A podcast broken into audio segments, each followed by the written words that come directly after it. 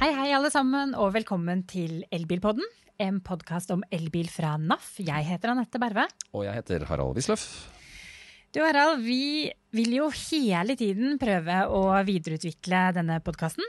Og gi dere som lytter til oss, noe nytt. Og vi har følt at vi har savnet å ha Motorredaksjonen i studio, for det syns vi var ganske hyggelig. Da snakker vi Magasinet Motor. Magasinet Motor, medlemsbladet til eh, NAF og biljournalistene som, og redaktøren som, eh, som lager det. Så vi tenkte nå at vi skal teste et nytt konsept.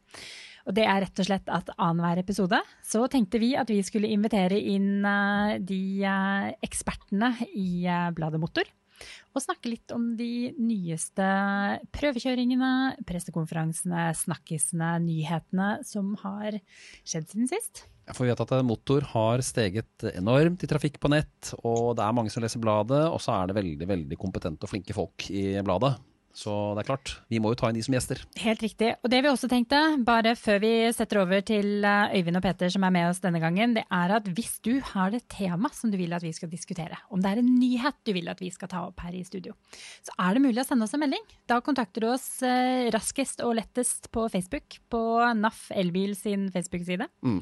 Der får du tak i oss. og send oss, eh, send oss innspill hvis det er noe du vil at vi skal ta opp neste gang. Så denne gangen så har vi altså med oss eh, Peter eh, Råum, som er redaktør. Og så har vi med Øyvind Mann Iversen, som er journalist i Motor. Velkommen til dere. Takk. takk, takk. Vi hører, dere på, vi hører dere på Teams også. Det er jo selvfølgelig en Teams-episode. Teams ja, det er koronavise dette her, da. Det, sånn må det jo bli. Så konseptet denne gangen er uh, veldig enkelt. Vi har utfordret uh, alle til å ta med seg en uh, nyhet. Og da tenker jeg at eh, Øyvind, hva er det du eh, Hva er det som har skjedd på prøvekjøringsfronten og pressekonferansefronten siden sist? Der skjer det jo noe hele tiden, og det er jo privilegium å jobbe med biler og elbiler i disse tider. Selv om det er korona, så dukker eh, nyhetene opp på rekke og rad, og det er jo veldig gøy. Jeg tenkte det er fire, fire modeller som peker seg ut sånn i mitt hode så langt, eller de siste ukene. Det er da to biler fra, fra kall det småbilklassen. En, en Mazda MX30 er jo ikke så liten, men den er veldig billig. Du får en uh, ferdig utstyrt versjon til under 300 000. Det samme får du med lille Honda E, som er en, ja, reelt sett en veldig liten bil. Men det som er morsomt med disse bilene, er at de at de strider litt med de gamle oppfatningene om småbiler som trauste, kjedelige, grå, sånn som la oss si Volkswagen Polo og Toyota Yaris. Dette er spennende, fargerike biler med masse utstyr og masse egenskaper. Altså, Hondaen har kameraspeil på sidene, og den har eh, kameraspeil i noe tradisjonelt innerspeil. Og du har masse utstyr som du normalt får på langt høyere og dyrere biler i, i dyre prisklasser. Og den Mazdaen har en fantastisk eh, kjørekomfort, sånn som jeg ser det. Som sikkert hadde den bilen hatt 20 mil lengre rekkevidde, så den kostet også 100 000 mer. Og Det disse bilene forteller oss litt, er jo at uh, valgmulighetene blir, er i ferd med å bli mye, mye, større. At du kan velge en, en småbil med, med, fasiliteter og egenskaper og utstyr som du ikke kunne bare for noen år siden. Ja, for Øyvind, dette her, er, det, dette her er bitte små biler som er noen teknologibomber, rett og slett. I forhold til disse kjipe 90-talls-, 80-talls- og 90-tallsbilene uh, hvor du knapt kunne justere speilet på utsiden fra en spak på innsiden. Ja, definitivt. Og spesielt Honda er et godt, godt, eksempel på det med en sånn skjerm i hele bilens bredde. og ja, Kan du justere og fikse og, og, få opp alle de appene og innstillingene du vil. Og lysforhold kan du justere. Og, og du har disse kameraspeilene både utvendig og innvendig som gjør at du har egenskaper du ja, normalt tidligere bare fant på luksusbiler. Det, det er veldig morsomt. Og så, viser det jo litt med den eh, generelle mobiliteten rundt uh, de nye bilene at du En ting er eierforholdene, om du kan vise eller eie eller, eller leie, men du kan også velge de eh, bilene du vil i mye større grad enn du kunne tidligere. Du kan om du, har, du kan velge rekkevidde, du kan velge prisklasse, du kan velge utstyr. altså Valgmulighetene blir, er i ferd med å bli mye mye større også på elbiler. Det er morsomt. Ja, for akkurat det der, Begge de to modellene som du nevner har jo ikke verdens lengste rekkevidde. Eh, og det er jo nesten litt eh, merkelig at i et marked hvor det virker som at alle skriker etter rekkevidde, så kommer det to stykker som byr på alt annet enn rekkevidde. Kommer de til å selge, til å selge mye? Det virker som om både Mazdaen og kanskje spesielt Mazdaen selger så bra så langt, og Hondaen selger, selger brukbart. Så eh, jeg tror det handler litt om dette som vi her som snakker om elbil er veldig opptatt av. At du må definere behovet ditt i stor grad. Kan du lade hjemme og starte hver morgen med 13-14 mils rekkevidde, så trenger du ikke en bil som går 40 mil, med mindre du har det behovet. og Da har du en bil som eh, med komfort og utstyr som koster under 300 000 istedenfor at den koster oppimot 450 000. Og så er jo dette biler med særpreg. Veldig særpreg, og vi kjørte jo den Honda 1, Anette. Det er en ganske festlig opplevelse. Altså, Det som kanskje er aller morsomste med det, Harald, er at du tredde på deg den Honda Ja. For de som ikke har sett uh, Harald, så er jo det en mann på 1,94. 1,94.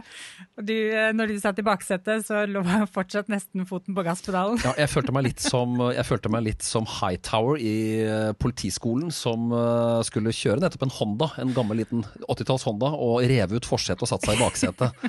Men utrolig nok, så jeg får jo plass på et eller annet vis da, i selv denne lille bilen her, så noe har skjedd siden 80-tallets Hondaer. Hightower. Men det Eh, det absurde med, med Mazdaen, det syns jo jeg er det at de har, de har lagt inn motorlyd. Merkelige greier, altså. Og Øyvind, hvis, jeg, hvis jeg har forstått det riktig også, eh, så er ikke det en motorlyd andre hører. Det er en motorlyd bare du som føreren hører? Ja, det er en motorlyd som kommer ut fra høyttaleranlegget. Det er ikke den akustiske lyden som andre elbiler har som hører utenfra. Så den er kunstig lagt på, fra, fra, innsiden. og Det er jo en sånn filosofi som Mazda har hatt om at uh, overgangen fra en forbrenningsmotor til en elbilmotor skal gjøres så sømløs som mulig. Så skal du få med deg litt sånn godlyd fra gamle bensinbilen din over i, over i elbilen. Og jeg tenkte jo i utgangspunktet Da jeg kjørte denne bilen for første gang for halvannet år siden, eller noe sånt, så var det en god idé. Men så etter hvert som du tar den ut på norske veier og i verdens mest skolerte elbilnasjon, så det jo, blir det litt sånn banalt og dumt å sitte og høre en Selv det låter fantastisk flott, og det høres ut som en sånn deilig, god gammel rekkesekser som lyder i bakgrunnen der, så det, blir det noe fryktelig kunstig over det. Men det låter veldig, låter veldig dempet, da, så, så du venner deg fort til det. Og en del andre elbiler har en, en del litt sånn sjenerende plystrestøy eh, mm. osv. Litt sånn ulelyd. Så for noen kan det fungere, men det er jo i utgangspunktet så blir det eller Konklusjonen er at det blir ganske banalt, selv om bilen ellers er fantastisk. Ja. Vil, du ha, vil du ha motorlyd på elbilen din, Petter? Nei, du, jeg tror hvis jeg skal gjøre det skiftet, så, så blir det helt og fullt. Um, det er nok tilvenning for mange. Det er en tilvenning, Én ting er lydene og det som er litt morsomt, men det er jo en tilvenning i hva du faktisk trenger. Og som en av dere sa i sted, så har du, kjører du Har du et daglig behov for fem-seks mil og kan lade hjemme, så er det lett å få rigga seg til på en måte som at den, gjør at enhver elbilmodell faktisk fyller ditt behov. Men er du, er, du en, er du, av den typen som skal på en 20-30 mils tur minst en gang i uka, så er jo ikke en Honda E noe lettvint løsning, eh, selv om den kan være morsom. Men av de bilene som eh, har blitt annonsert i det siste, så har vi jo endelig fått vite om har litt bedre rekkevidde. Så har vi jo endelig fått vite litt mer om eh, BMW sin iX3. Hva, ja. hva, er brunget, hva er brakt nytt til torgs der? Det, det, det, det, nye, eller litt så oppsiktsvekkende med BMW iX3, er jo at den uh, kun har bakhjulsdrift. I motsetning til alle konkurrentene som har firehjulsdrift. Det gjør jo også at, uh, at IX3 blir en relativt billig bil i den store eller mellomkompakte SUV-segmentet, hvor den konkurrerer med ja, Skoda Enyaq og Volkswagen ID4 og så etter hvert Mustang E og, og Emac og Tesla Y for, for å nevne fire. Og Der kommer den jo kun med bakhjulstrekk eller drift, og det er jo oppsiktsvekkende i seg selv at ikke BMW har hengt seg på den bølgen. Men det er eh, etterspørselen sånn nedover i Europa er minimal etter firehjulsdrift. Så det har BMW tatt konsekvensen av, samtidig som de har altså Mange har lurt på hvorfor BMW har ventet så lenge med å komme med en elbil i den klassen etter at de lanserte I3 for ja, det er snart åtte år siden som en sånn nyskapende, spektakulær og banebrytende liten elbil. Så har de ventet lenge. og det er forklaringen er at har ventet på den rette teknologien, femte generasjon eh, drivlinje, for å kunne gjøre bilen så, så effektiv som overhodet mulig. Da. Og det viser jo, i hvert fall på papiret, tallene at de har et forbruk på 16 kWt per 100 km. Og, og rekkevidde på 450-460 km på et relativt lite batteri med 74 nettokapasitet. Så, så det, det, kan virke som om de har fått til en veldig energieffektiv bil og, ventet, og at den ventetiden har, uh, gir en del positive resultater. Mm. Men Peter, hva betyr det nå når da eh, en såpass eh, stor og tung eh, merkevare som BMW eh, lanserer da sin neste, neste generasjon eh, storsatsing, elektriske storsatsing? Det betyr litt flere ting. Altså, bare for å si det om iX3-en først, så er det jo altså, BMW kjenner sitt marked. De er gode, altså Hele historien med I3 viser at de er utrolig gode på å lese hva folk vil ha, eh, kanskje før folk skjønner hva de vil ha. Så det med firehjulstrekk det kan bety noe i Norge, men i den store sammenhengen så er jeg ikke sikker på at det betyr så mye. Men den, iX3-en markerer jo samtidig den, den bølgen av biler som nå kommer i mellomklassen. Altså ikke ikke luksusnivået til, til E-tron og, og, de store Teslaene. Og heller ikke de små uh, kombibilene. Men altså nå kommer ID4, nå kommer Skoda Enyaq, Ford. Det kommer til å renne på med biler som er for alle praktiske formål i sub-format. Så det blir uh, På et vis markerer det starten på, på, den bølgen, samtidig som det markerer starten på, på BMWs utrulling av elektriske modeller de kommer med mye eh, og, og, kanskje litt dyrt for et norsk marked. Fordi det er, eh, det er høy klasse på det de kommer med. Det er eh, luksus, eh, luksusmodeller, stort sett alt sammen. Men, men eh, det markerer liksom starten på de to bølgene. Som, som, eh, som egentlig er, er, viktig med tanke på at nå, nå begynner vi å virkelig utvide det rommet av elbilmodeller. Som gjør det litt, vanskelig å, litt vanskeligere å si hvordan det norske markedet Eh, faktisk utvikler seg. For nå har det jo vært til nå et marked for eh, ganske spesielt interesserte og elbilivrige. Og vi nærmer oss nå, altså Skal man nå alle salgsmål og politiske målsettinger, så må man utvide rommet fra å bare være for de som er, eh, som er glad, i, glad, i, det grønne, til å være noe som gjelder alle. Og Da må produktene være bedre, og de må være riktig prisa. Mm. Glad i det grønne, ja. Det er nettopp det. det den tiden er jo over. Nå, ja.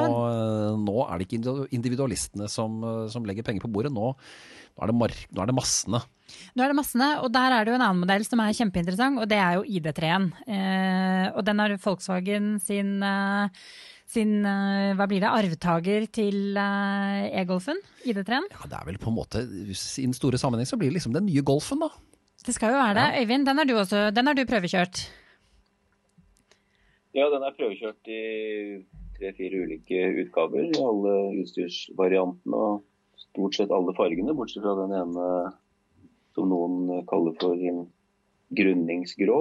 Det er ikke veldig flatterende, men uh, den ser finere ut i virkeligheten enn uh, den gjør på bilder. Det er sikkert. Jeg har ikke sett, tror ikke jeg har sett noen i, i trafikken i Norge ennå. Jeg har sett den i Tyskland bare. Jeg har sett men, den ja. Det er en, det er en veldig en veldig fin bil, syns jeg, på alle mulige måter. Den, har, den, er fantastisk å kjøre. Den har uh, kjøreegenskaper, veldig trygge, stabile, fine kjøreegenskaper og høy komfort. Og den har en, uh, sitte, en kjøreposisjon, eller førerposisjon, som jeg syns er helt uh, noe av det beste du finner. En blanding av du sitter lavt og et lavt tyngdepunkt, samtidig som du har en litt sånn SUV-prega utsyn framover med høy eller kort panser og lang, stor frontrute og sidestolper som er gunstig plassert, sånn at du har et godt utsyn framover og til siden. Øyvind, dette er, en, jo, dette, er en, dette er, en, verdig arvtaker til, til, golfen? Slik du konkluderer nå? Ja, jeg syns den. Ja, den er verdig på alle mulige måter. Den er bedre enn golfen på absolutt alle områder, syns jeg. Bortsett fra at den har jo da, som vi sikkert kommer til å snakke mer om i framtiden, at den har fått en del barnesykdommer med seg den er ut, rullet ut på markedet antagelig i for, for tidlig grad. Så mm.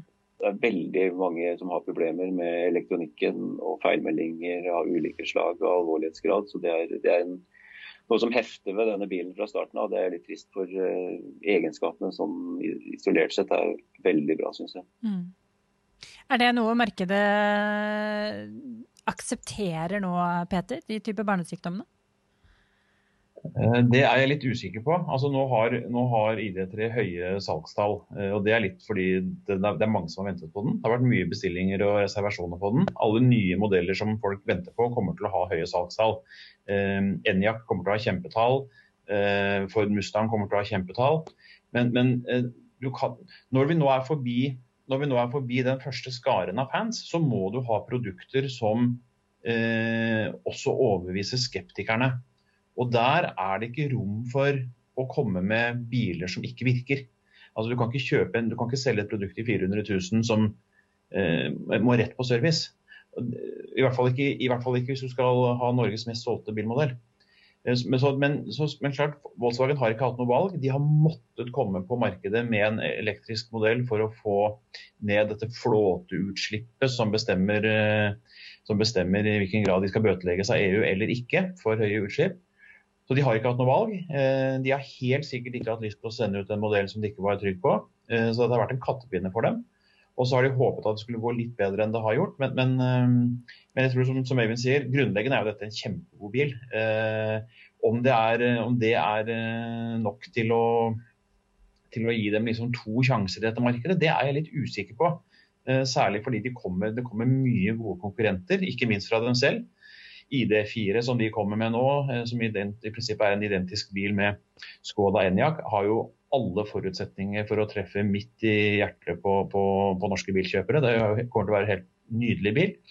Men, men, men eh, det er jo Så det er, det er eh, Jeg tror ikke Jeg tror vi er nærmere oss den fasen hvor det å komme med biler som ikke er perfekte, det er ikke noe god det er ikke noen god måte å gjøre det på lenger. Altså. Og vi er, vi er, helt enige om at det er ikke eh, spesielt godt for en tysk ingeniør i hvit frakk å sende ut et produkt som han vet kommer til å få problemer, fordi han er nødt til å komme ut med det.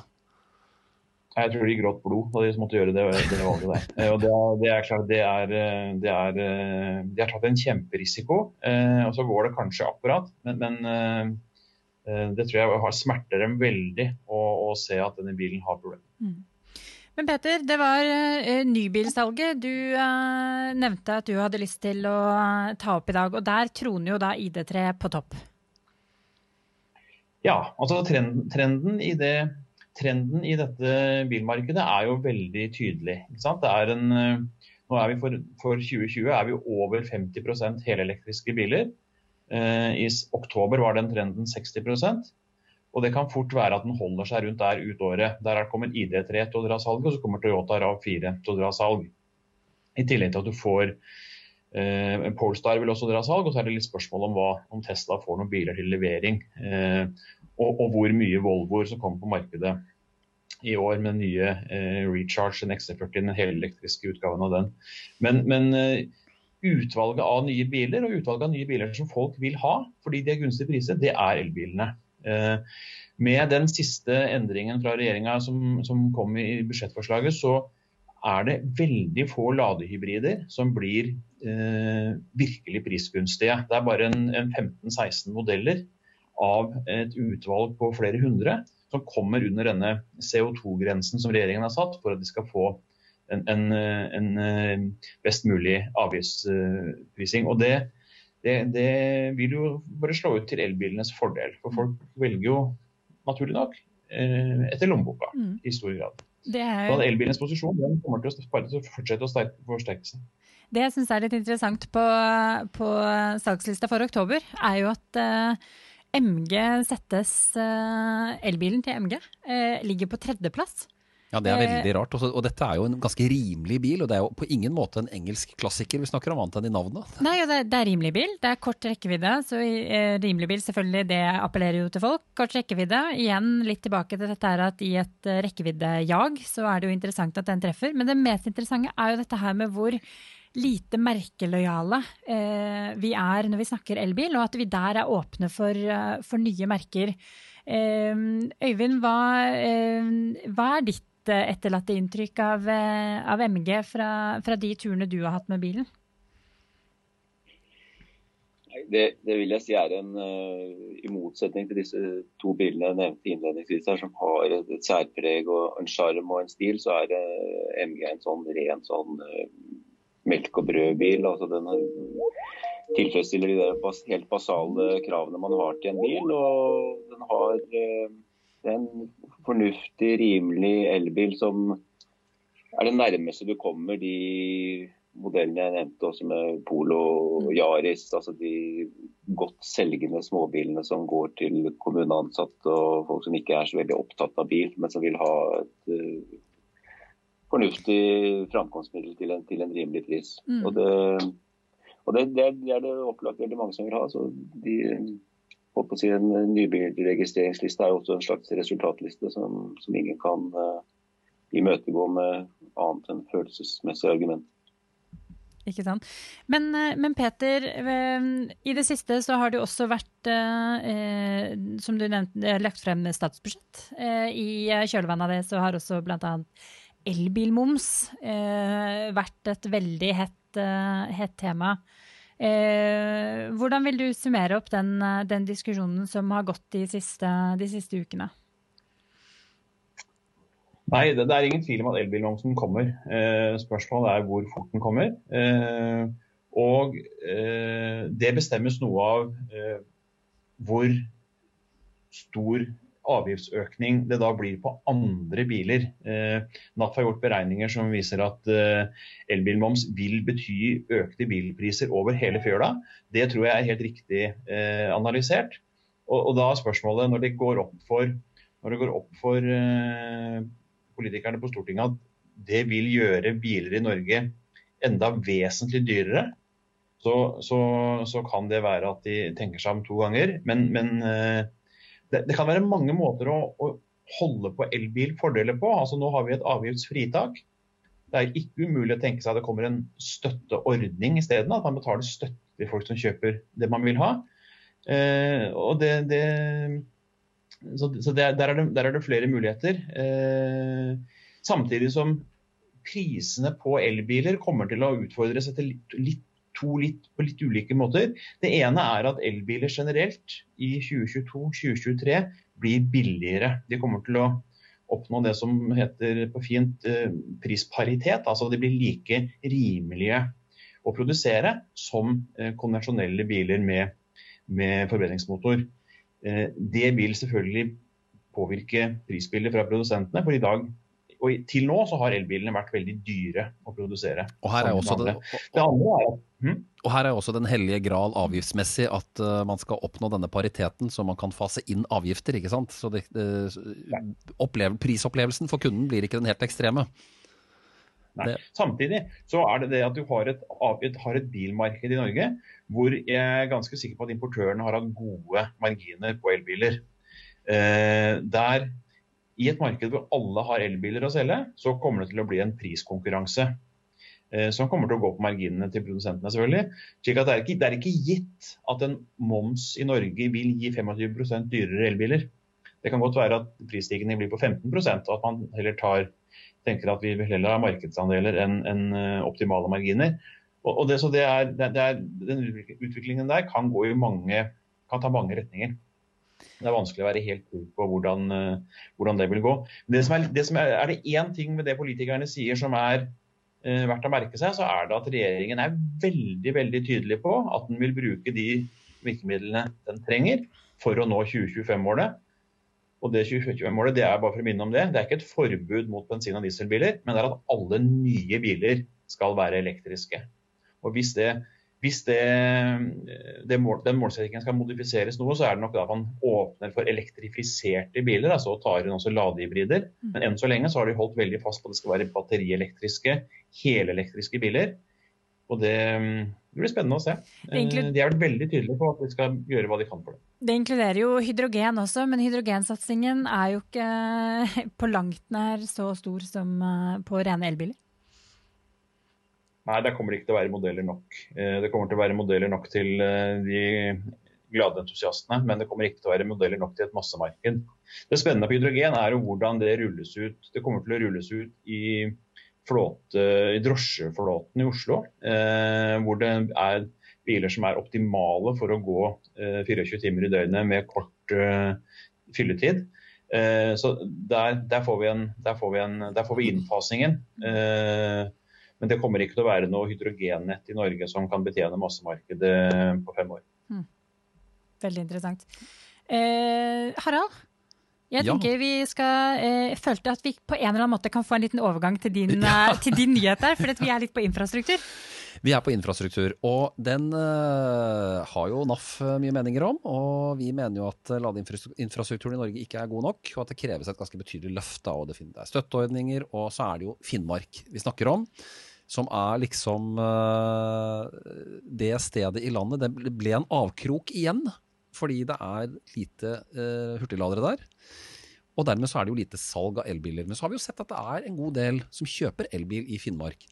Og så er det dette merkelige som vi nå har funnet i Altaposten, at den lokale bilbransjen, og til og med en eh, Coop-forhandler der oppe, motsetter seg at Tesla skal bygge en superchargerstasjon i Bossekopp da i Finnmark. Uh, og argumentet er at uh, man trenger det ikke, og det vil ødelegge for det lokale næringslivet. Fordi da vil man få inn biler som ikke selges i dette området. Uh, og spise av markedet til de lokale bilforhandlerne. Men jeg skjønner liksom ikke argumentet.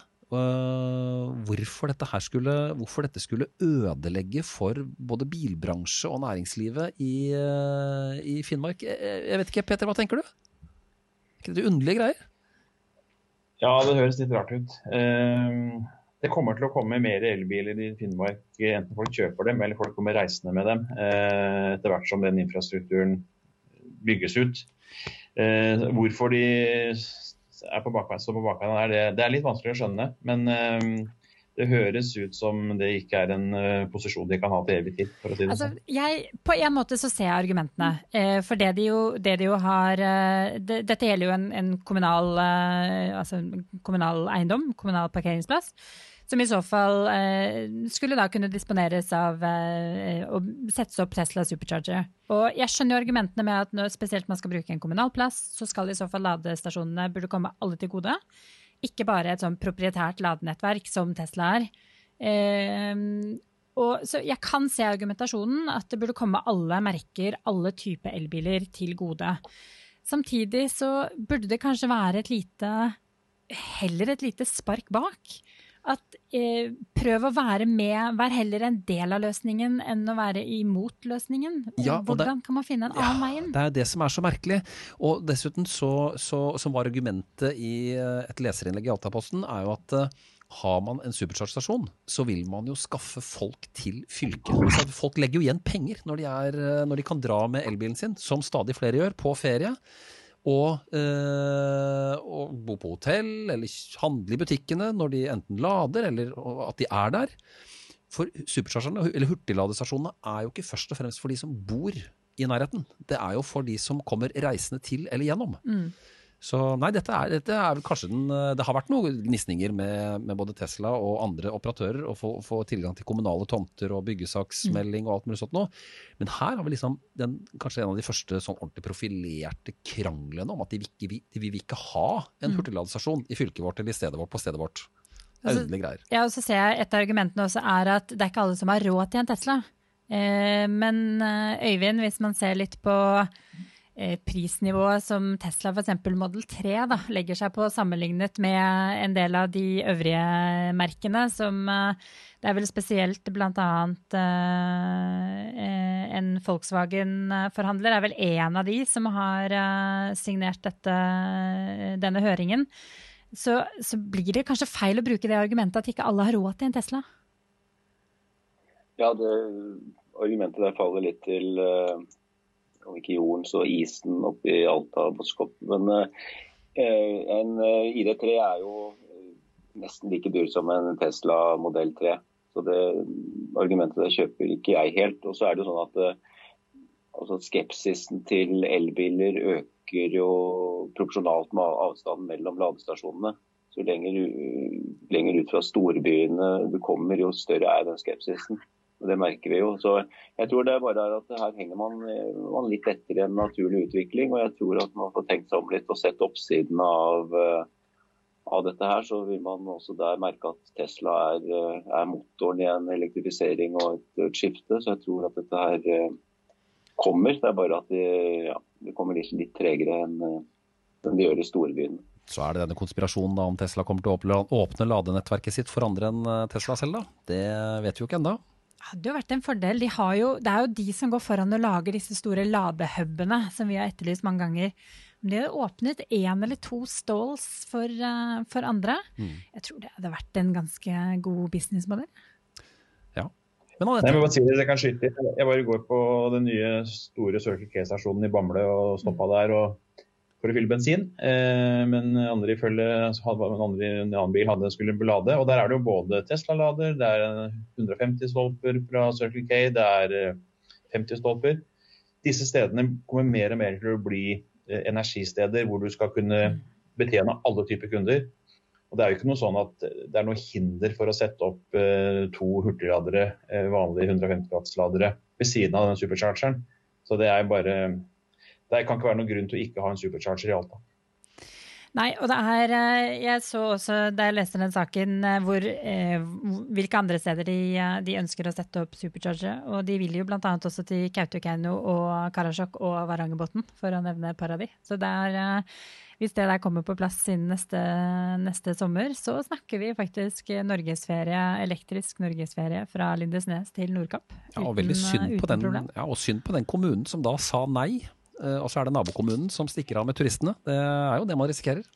Det blir jo fort det. Ja. Kjører, du, kjører, du fra, kjører, du, fra, Alta og Bossekopp til, eh, til Varangerbotn via Kautokeino, så er det greit med Teslas selvkjørende teknologi også. Det er, det er mye der du kan gå rett ja. over vidda. Det er helt riktig. Vet du hva, Da lurer jeg på om jeg skal runde av eh, dagens sending med å komme innom Hundai. Ja, for du har en nyhet selv til torgs, Anette. Jeg har jo faktisk det. Jeg vil jo også være med på moroa. Ja. og det, det er en nyhet som jeg har hørt om lenge men som nå endelig da ble offisiell. Og det er at uh, fra og med nyttår så faser jo Hundai ut uh, bensin- og dieselbilene fra sitt sortiment. Så det betyr at fra hva blir det? 1.1 så kan du ikke kjøpe en ny bensin- eller dieselbil fra Hundai. De satser kun på ladbare hybrider, elbiler og hydrogen. Og slik jeg da har talt opp, så blir de den første De blir jo da den første importøren som faktisk tar det steget fullt ut. Det er flere som har meldt at de kommer til å gjøre det i årene som kommer, men de blir den første. Det syns jeg er litt uh, interessant. Er markedet klar for den, uh, det steget der, uh, tror du, Øyvind? Ja, det, det tror jeg. Og det, altså, Hundai har jo bilene tilgjengelig med alle typer drivlinjer osv. Så, videre, så det er jo bare snakk om å se på salget her hjemme og justere strategien etter det. Så det er, jo sånn sett er det jo ikke noe Det sier kanskje mer om uh, hva nordmenn etterspør, enn hva, hva hun da sånn overordnet tenker på, det, på, vegne av det globale markedet. Men det er ingen tvil om at, det, at uh, dette er tendensen på det norske markedet. Man ser på en sånn storselger som, som Golf f.eks., som uh, som faset ut eh, stasjonsvogn, faset ut diesel og er i ferd med å fase ut eh, bensin. Og så har de den tradisjonelle bensinmotoren og bare sitter igjen med to, antagelig to ladbare versjoner. Og, det, og elgolfen er jo også ute av, ut av, systemet nå. Men, så det er en tendens og en trend som man vil se fra stadig flere, flere bilprodusenter, rett og slett basert på at eh, bensin og diesel ikke selger på det norske markedet lenger. Ja, og det er jo altså i praksis så selger de jo allerede kun eh, elektrifiserte biler. Så, så, i og for seg så er jo det nesten bare de, I praksis så er de jo, er de jo allerede der. Men det er, blir noe symbolsk i det de fjerner de alternativene fra markedet. Det er en milepæl. Det er en milepæl. Ja. Men så, eh, så, er det jo interessant med hva, hva Hyundai kommer med fremover. For Hyundai har jo allerede bevist for oss at de kan lage elbiler. Eh, altså Konaen eh, har jo ligget til topps i, eh, i NAF Motors rekkeviddetester gang på gang. Effektive biler som går langt. Og nå kommer de jo med en helt ny, ny serie. En ny plattform, den Ionic-serien, Ionic rett og slett. Med tre, tre, tre nye elbiler, tre-fire nye elbiler som kommer i årene fremover. Eh, kommer Hundai til å være en aktør som revolusjonerer elbilmarkedet når de kommer med Ioniq-serien, tror du Peter? Ja, de kommer til å være med på det. Det, det Hyundai har vist av nye modeller på sånn Når de har tenkt høyt og vist Eh, vist eh, konseptmodeller har vært utrolig mye artig. Eh, de er, de er langt, langt framme når det gjelder å tenke mobilitet elektrisk og selvkjørende. Sånn at de Og de har jo et Hundai og Kia de er jo selskaper i et sørkoreansk hjemmemarked hvor myndighetene er utrolig bevisst på at de skal ta dette skiftet. De har en, en hydrogenutrulling som ikke er, står tilbake for noe og de bygger elbiler. Eh, dette er jo selskaper som er nasjonalt superviktige. Eh, så hele det landet tar dette skiftet og kommer til å være et av de første landene i Asia som elektrifiseres, rett og slett. Eh, når det gjelder biler. Og Hundai lager topp biler. Og det kommer til å komme med masse, masse bra. Det er jo, selv om, selv om både Konan og Ionicen og alle disse bilene vi har blitt kjent med er fine, så er det jo i høyeste grad førstegenerasjon elbil. Ikke veldig plasssmarte eh, og ikke veldig fancy, men solide. Eh, de kommer også med det fancy, de kommer med det lekre. Eh, det kommer til å bli kjempespennende å følge Ionic-linjen til Hyundai. Mm. Ja, Det er jo nå de tar steget over til å ha en, en spesialbygget plattform for elbiler. Eh, Konan og Ionicen deler jo drivlinje. Altså jo, du kan jo kjøpe den som, som både som hybrid og elbil og med forbrenning, altså med bensin eller diesel. Ikke, ikke diesel, vel? Det er vel bare bensin? Det er nok bare bensin ja. igjen, ja. Men uh, Så, spennende. Det blir mye spennende. Ja, men vet du hva, Supert, uh, Kari. Jeg tror vi har klart å summere opp noen av de viktigste nyhetene. Det skjer jo nesten for mye for tiden til at ja, vi klarer å få med alt. Rett og slett. Og så får vi bare beklage at vi har litt sånn støy på linja og sånne ting, men det er jo Teams og Zoom og Skype og alt dette som gjelder nå. alt plinger. Må, alt plinger, og alt er surrete linjer. Men vi forsøker å lage elbilpodden hver 14. dag uansett. Og eh, du kan abonnere på denne podkasten hvis du går inn på en virksomhets podkast-app og søker etter Elbilpodden, og på Spotify og YouTube. Og du finner oss NAF Elbil på Facebook.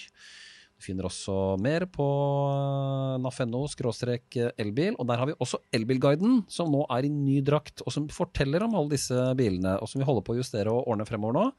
Som kommer til å bli veldig bra. Sjekk Elbilguiden på naf.no.